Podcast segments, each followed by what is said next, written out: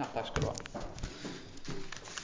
Hvordan gjenoppretter en ei kirke til sitt opprinnelige grunnlag?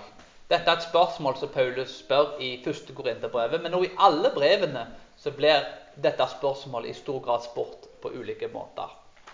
Hvordan får en ei gudfryktig, hellig kirke, ei kirke som er Kristus-orientert? Og et av svarene, altså ikke alle svarene, men et av svarene som Paulus gir da, i, i disse versene Han gir mange svar på dette spørsmålet. Men i dette kapitlet, kapittelet, da, i disse versene, så gir han et svar der at nåde og fred er nødvendig i et splitta kirke. Nåde og fred er nødvendig i et splitta kirke. Ofte så tenker vi det at var, var ikke alt bedre på Paulus' i tid? Var ikke Paulus en perfekt apostel som planta kun perfekte kirker? Og Sannheten er at en skulle, skulle, skulle, kanskje tro det. Og jeg tror nok at Paulus gjorde en, en, en mye bedre jobb å plante kirker enn en noen som har levd i etterkant. Så han gjorde sikkert en glimrende jobb. Men igjen, kirka har folk, vanlige folk, vanlige syndere, og dermed så får du problemer deretter. Hva problemer hadde Korint? Korinterkirka hadde mange problemer. Åndelig stolthet, umoral, søksmål, misbruk av frihet, spørsmål om åndelige gaver, ekteskap, seksualitet, og en overvurdert endetidsforståelse. Korint hadde sine problemer, og jeg vil faktisk si at noen av problemene her er faktisk mye verre enn noen av de tingene du observerer i Norge i dag. Hva er det Paulus vil at korinterne skal fikse? Det er mange ting. Men denne introduksjonen så vil vi se på de svarene da, som Paulus gir for å gjenopprette ei splitta kirke. En trenger altså nåde og fred i denne kirka som er splitta. Og det er fire ting som jeg ønsker å se på spesielt, for å prøve å forstå dette brevet og, og denne teksten spesielt. Nummer én litt om Korint. En introduksjon til byen og situasjonen Paulus er i. Og Dette trenger vi for å forstå teksten. Nummer to vi ser at Paulus er en apostel som er kalt av Gud. Vi skal se litt på det. Nummer tre korinterne er et hellig folk som er kalt av Gud til å være hellige. Og nummer fire nåde og fred er nødvendig for å gjenopprette denne kirka. Litt om korinterne først. La oss begynne å hoppe inn i denne byen for å forstå situasjonen de er i. Korint ble ødelagt av romerne i 146 år før Kristus, men ble gjenoppbygd av keiser Augustus i 44 år før Kristus. I Paulus sine dager så hadde byen sannsynligvis rundt 80 000 mennesker. Og Korinto var en romersk gresk hybrid og lå ca. 40 mil unna byen Aten. Aten da var jo universitetsbyen. De lærde filosofene eh, De hadde ikke universiteter sånn som vi forstår det i dag, men mye lærdomssentre og, og eh, mye filosofisk visdom. da. Eh, I dag så hadde det på en måte vært en sånn Ivy League-universitetsby. Alle de store universitetene, de beste universitetene. Visstnok de smarteste filosofene som samles da i Aten. De hadde filosofi, kunnskap og festivaler. Og Dermed da så ble Korint litt påvirka av dette. Det kommer vi til å se litt senere i Korinterbrevet. Men de hadde jo da en, en intellektuell tradisjon pga. det. Eh, Korint var altså ikke Aten. Eh, Korint var mest kjent faktisk for å være en handelsby. De hadde jøder, de hadde grekere og en romersk religion. Og de hadde ikke noe definert aristokrati, altså en, en klasse da, av ofte rike familier som styrer ting. Dette var vel en by kanskje i større grad enn andre byer, der kanskje folk eh, som ikke var født inn i rike familier, hadde en mulighet til, til å tjene mye penger på handel og den typen ting.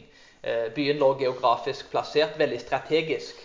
Mye av handelsruter og mye av byer historisk som har vokst. Og har ofte vært byer som har vært, vært nærme kysten, eller har hatt elver som går langt inn, da, så du kan seile rett inn.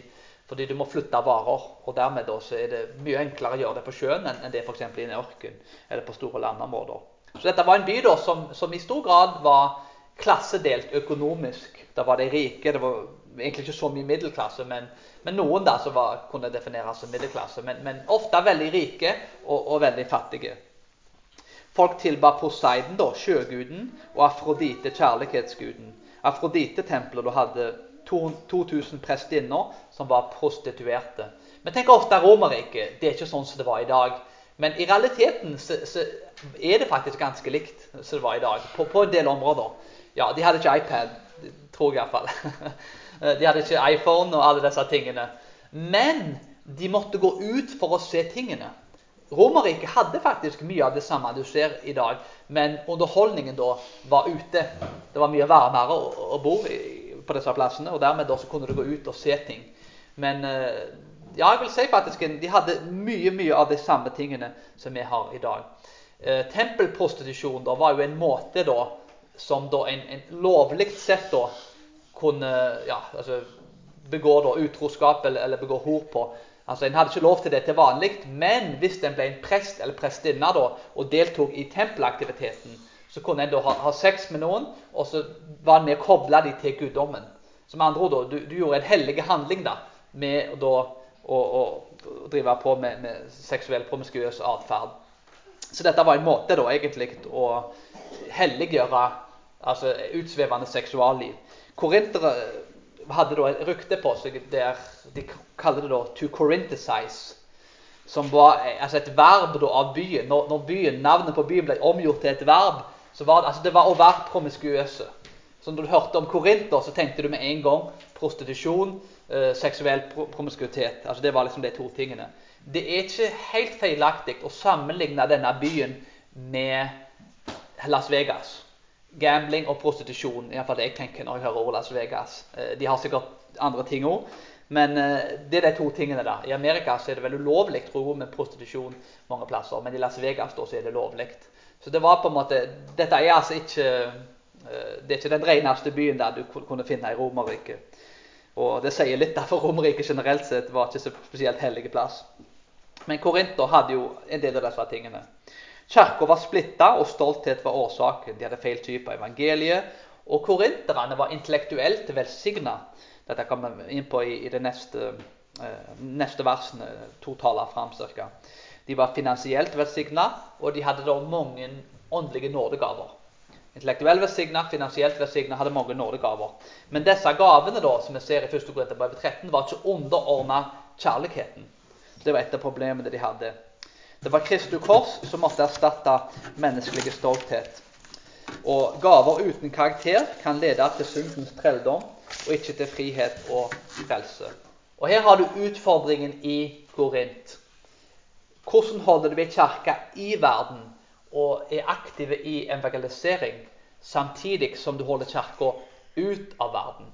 Hvordan går du ut på sjøen med båten din for å berge folk inn i båten uten at sjøen kommer inn i båten. I Korinto var de veldig flinke å være i verden, men det var veldig mye av verden, altså mye, mye sjøen som kom inn i båten, det var mye av verden som kom inn i kirka, og folk var uheldige. Det var uheldige kirker med veldig mye uheldige folk. Til tross for de var da velsigna. Gaver, penger altså Dette var en menighet som folk tenkte, Når de kom der, så tenkte de disse folkene er ganske velsigna. De har masse penger, masse gaver, intellektuelt velsigna. Så når du kommer sånn rent utvendig, så, så hadde en ikke fått et inntrykk av Dette virker som en menighet som Gud velsigner. Men, men Paulus har ganske hard kritikk av denne menigheten. De er rett og slett ikke hellige, og det er et problem. Men det er et problem generelt sett, og en viktig problemstilling å være med og påpeke. Hvordan er du hellige i en uhellig verden? Hvordan kan Kirka være hellige? Og, og samtidig ha et effektivt og sterkt vitnesbyrd i en uhellig verden. Og Det er en vanskelig ting. Det er utfordrende å holde disse to tingene i balanse. Men Paulus prøver å gå inn litt på disse tingene. Hvordan forener en evangeliet til Gud med folk i ydmykhet og kjærlighet? Guds nåde og fred er jo definert gjennom nåden og gitt gjennom Jesus Kristus, som da ble grunnlaget for helliggjørelse. Og Vi kommer litt inn på det etterpå, da, men, men mye av problemet i Korint var faktisk nettopp dette at Kristus var ikke fundamentet for det de gjorde. Jesus var frelseren, men han var ikke alltid Herren. Og det var et problem. Men Paulus begynner da med faktisk å nettopp påpeke dette, at dette bringer oss til det andre poenget. Vi har sett på Korint, hva problemene var, og litt om byen. Og nå kommer vi inn på Paulus, en apostel av Jesus Kristus. Paulus knytter seg til Jesus Kristus som en apostel. Hva er en apostel? Et veldig populært ord i visse kretser i dag, dette med apostel. Men ifølge Mounts Expository Dictionary, altså en ordbok som forklarer greske ord, så er det at en apostel er en person eller gruppe med en spesiell status til å utlevere et budskap. En apostel er som en gammeltestamentlig profet som har en spesiell innsikt i Guds mysterium. En apostel er sendt ut av Gud for å utføre visse oppgaver. Han har guddommelig sanksjon for å gjøre det han gjør. Paulus sier da at det ved Guds vilje kalt til å være en Jesu Kristi apostel. Paulus var ikke kalt av menneske, men av Gud. Han planta kirka, og pga. han planta kirka, så hadde han en viss autoritet til å snakke sant inn i livene deres. Hvis du planter kirke, så bør du ha litt troverdighet blant den menigheten som du planta. Men Paulus snakker ikke bare om det. Han påpekte flere ting. Han påpekte at han var en apostel. Og Vi vet dette i, i, Bibelen. altså Paulus snakker ikke så mye om akkurat, akkurat det her, men vi vet andre plasser i Bibelen. Altså, Hva er en apostel? Men Kan jeg bli en apostel? Kan dere bli apostler? Er det apostler rundt oss? Og Det er to ting som definerer en apostel. Nummer én har du sett den oppstandende Jesus? Det vet vi fra Apostelens gjerninger, eh, kapittel 1, vers 21-22, 1. Korinterbrevet 15. Med andre ord, Du må ha sett den oppstandende Jesus for å være en apostel. Og det vet vi at Paulus gjorde på veien til Damaskus. Vi ser at den som erstatter Judas, må være et øyenvitne til oppstandelsen i Apostelens gjerninger kapittel 1, vers 21-22. Nummer to, hva er det andre kriteriet for å være en apostel? Jo, det er at en må være utsendt direkte av Jesus. Vi vet faktisk at eh, apostlene hadde faktisk en autoritet av Jesus til og med i visse tilfeller til å tilgi synder da, på den autoriteten. Eh, Matteus 10, 1-7, Apostelens gjerninger, kapittel 1, vers 24-26, så ser vi at en må være direkte utsendt av Jesus. Eh, Paulus ser vi da, er akseptert av apostlene, til tross for at han ikke var en av de opprinnelige da, tolv. Galaterbrevet 2, Apostelens gjerninger, kapittel 26, vers 16-17. Så med andre ord, da, hva er kriteriet for å være en apostel? Jo, en må ha sett i Jesus, en må være direkte utsendt av Jesus. De to tingene er sentrale. Som en liten kontrast her, da, så ser en Timoteus var utvalgt av Gud men ikke til å være en apostel. Han er ikke inkludert i Tessalonikeren 2.2. Og Paulus skiller mellom posisjonen til Timoteus og de andre apostlene. Uh, Timoteus altså, er ikke en apostel. Timoteus er en bror. I 2. Timoteus 1.15 til Kolosserbrev 1.1. Og Paulus skriver også at Timoteus må innsette eldste i menigheten. 1. Timoteus 3.2, og så har du Titus brev kapittel 1. Hvorfor er det sånn at hvis apostler skal styre menighetene, at Paulus innsetter eldste? Hvem skal styre menighetene? Hvem skal styre kirkene? Ikke apostler, men eldste. Eldste skal styre menigheten. Og Paulus skiller mellom seg sjøl. Titus og Timoteus er altså ikke apostler, men de er eldste som blir da innsatt i menigheten. Vi ser sånn rent historisk på dette her så ser jeg nå den jødiske historikeren Josefus, da, som er en kjent jødisk historiker, som dere sikkert har hørt om. Uh, han sa at det, siste i, i, Skriften ble lagt til i år 435 før Kristus. I år 435 før Kristus så, så, var det ikke mer lagt til Det gamle testamentet. Da var det 400 år med stillhet.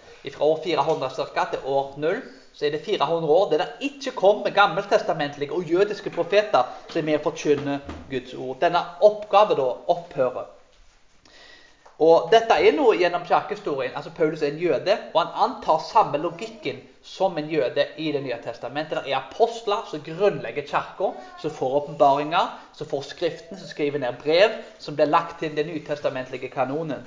Men når dette er lagt til, og når grunnlaget er lagt, så har vi Bibelen. Og da trenger vi ikke apostler, sånn som Paulus var i samme forstand.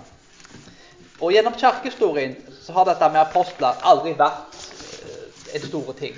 Gjennom 2000 år i kirkehistorien dette med at en da er en samme type apostel som Paulus var, der en får direkte inspirasjon av Gud, er ikke noe som har vært vanlig og utbredt gjennom kirkehistorien. Det er veldig unike unntak heller enn regelen. Det er ikke før på 90-tallet, altså 1990, en begynner å se den typen argumentasjon da, gjennom den nye apostolske reformasjonen og, og, gjennom visse andre grupperinger, der de begynner å argumentere på den måten. Så dette er noe veldig nytt, et nytt fenomen i kirkehistorien. Det er ikke noe som egentlig er historisk på noe som måte. Eh, det var en liten gruppe som jeg kjente, som var vurderte å plante en menighet og hadde kontakt med, en kar. Og han, eh, Karen da, sa at han var en apostel, han var en, eh, en lærer, en evangelist. Det var en, en superapostel. Han hadde alle gavene. Han, han var ti forskjellige ting som han var. kan du si. Så Dette var en mann som var spesielt begava, i likhet med korinterne, så han har fått alle gavene. Eh, så, så, dette var en mann da, som mente da, men, men det måtte innrette det hans autoritet, for han hadde direkte kontakt med Gud. For å plante menigheter så måtte, var han på en måte lederen, og, og han var talerøret til Gud. Så når han talte til deg, så var det som å høre Guds stemme som talte rett til deg. Og Disse folkene var heldigvis ganske skeptiske til det og tenkte at dette høres veldig merkelig ut, og, og vi vil ikke være en del av disse tingene. Så, men, men det er altså en del folk i dag som argumenterer på den måten, at de er som Paulus. Og Det er mange måter som en kan svare på det spørsmålet på. og Hvis noen sier da at en er en apostel, at det er ikke forskjell på deg og Jesus, det er ikke forskjell på deg og Paulus, så er det tre ting. Nummer én så du den oppstandende Jesus? Var du der når han ble korsfesta i Jerusalem for 2000 år siden? Og Etter mine kalkuleringer så lever ikke folk til, til mer. De, de, kan leve til de 120 år ca. Men eh, jeg tror ikke det er noen som er 2000 år gamle. Så dermed da, så oppfyller de ikke det kriteriet. Det andre kriteriet er da ble de direkte utsendt av Jesus.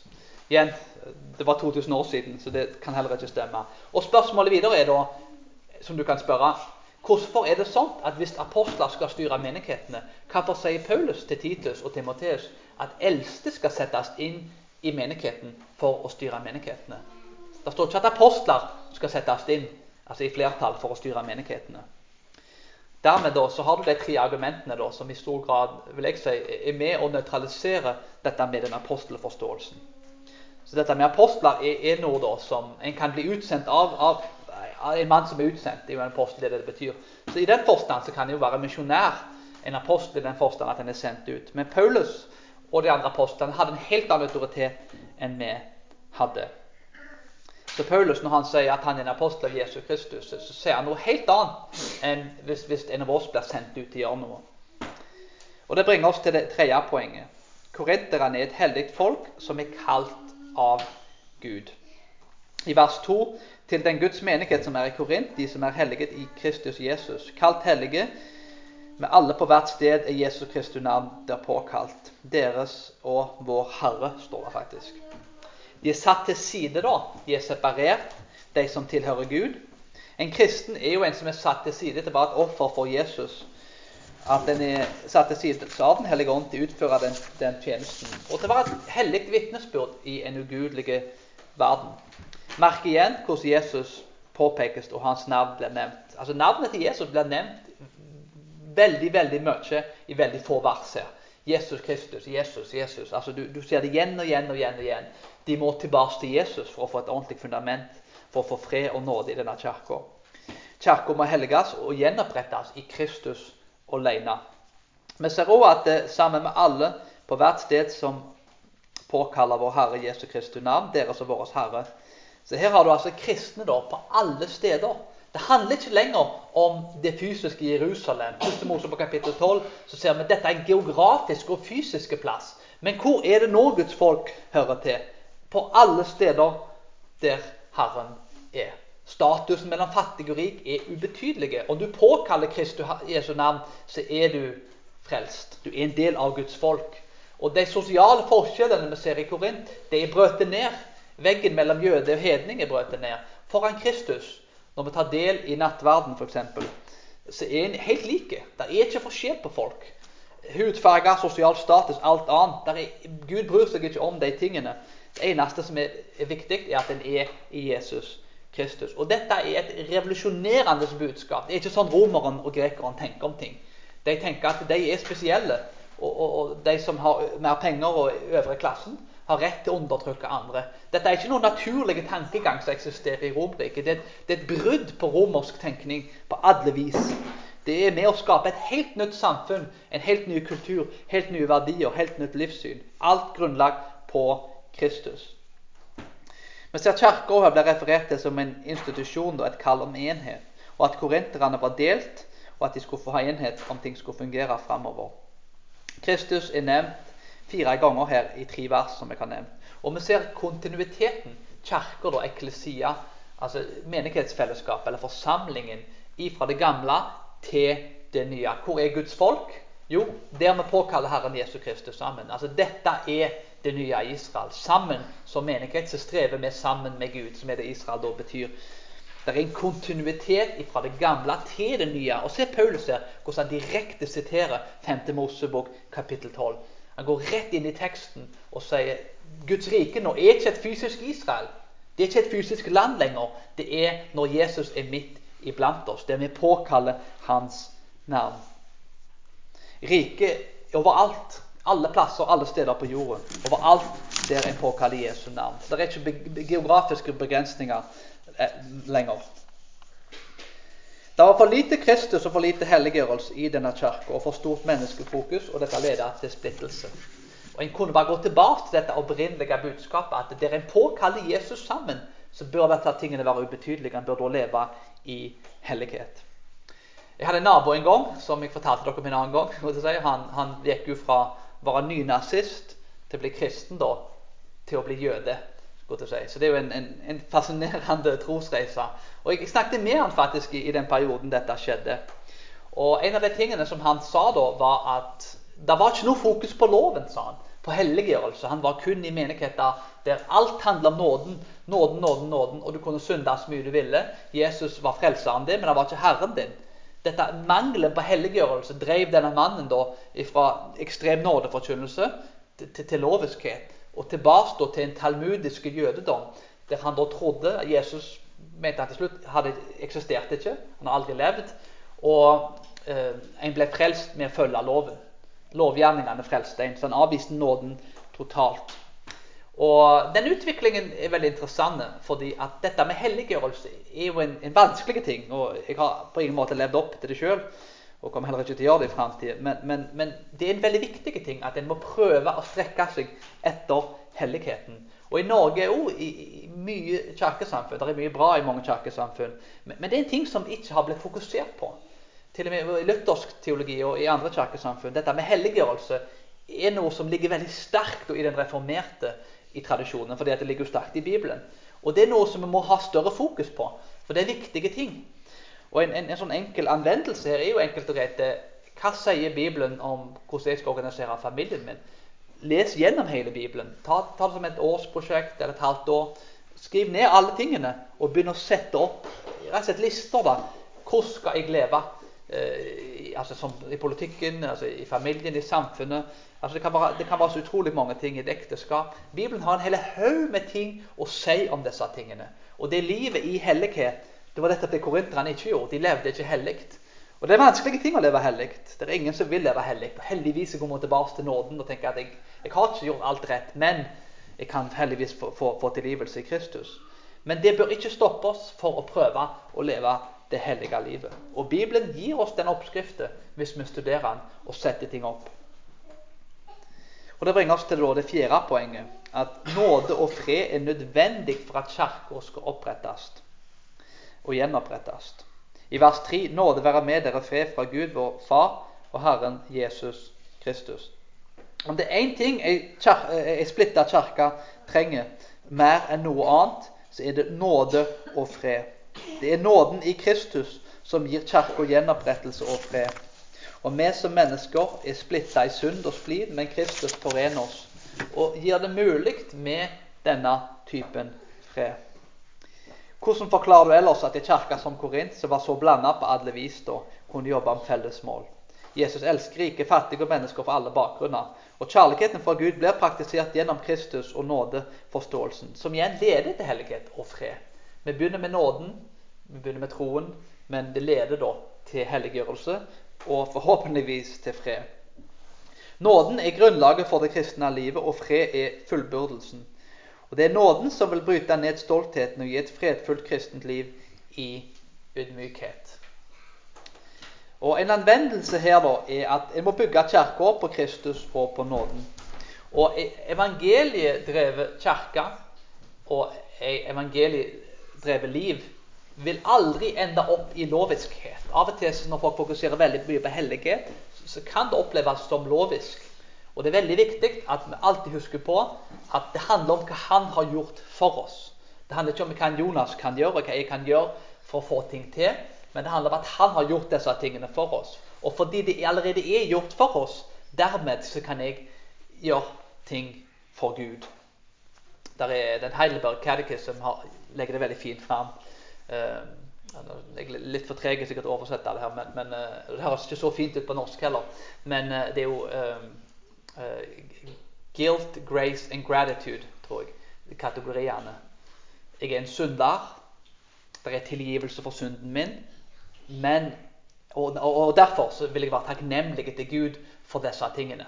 Veldig fin struktur der. Jeg ville vise Gud og leve et hellig liv fordi han har gjort disse tingene for meg.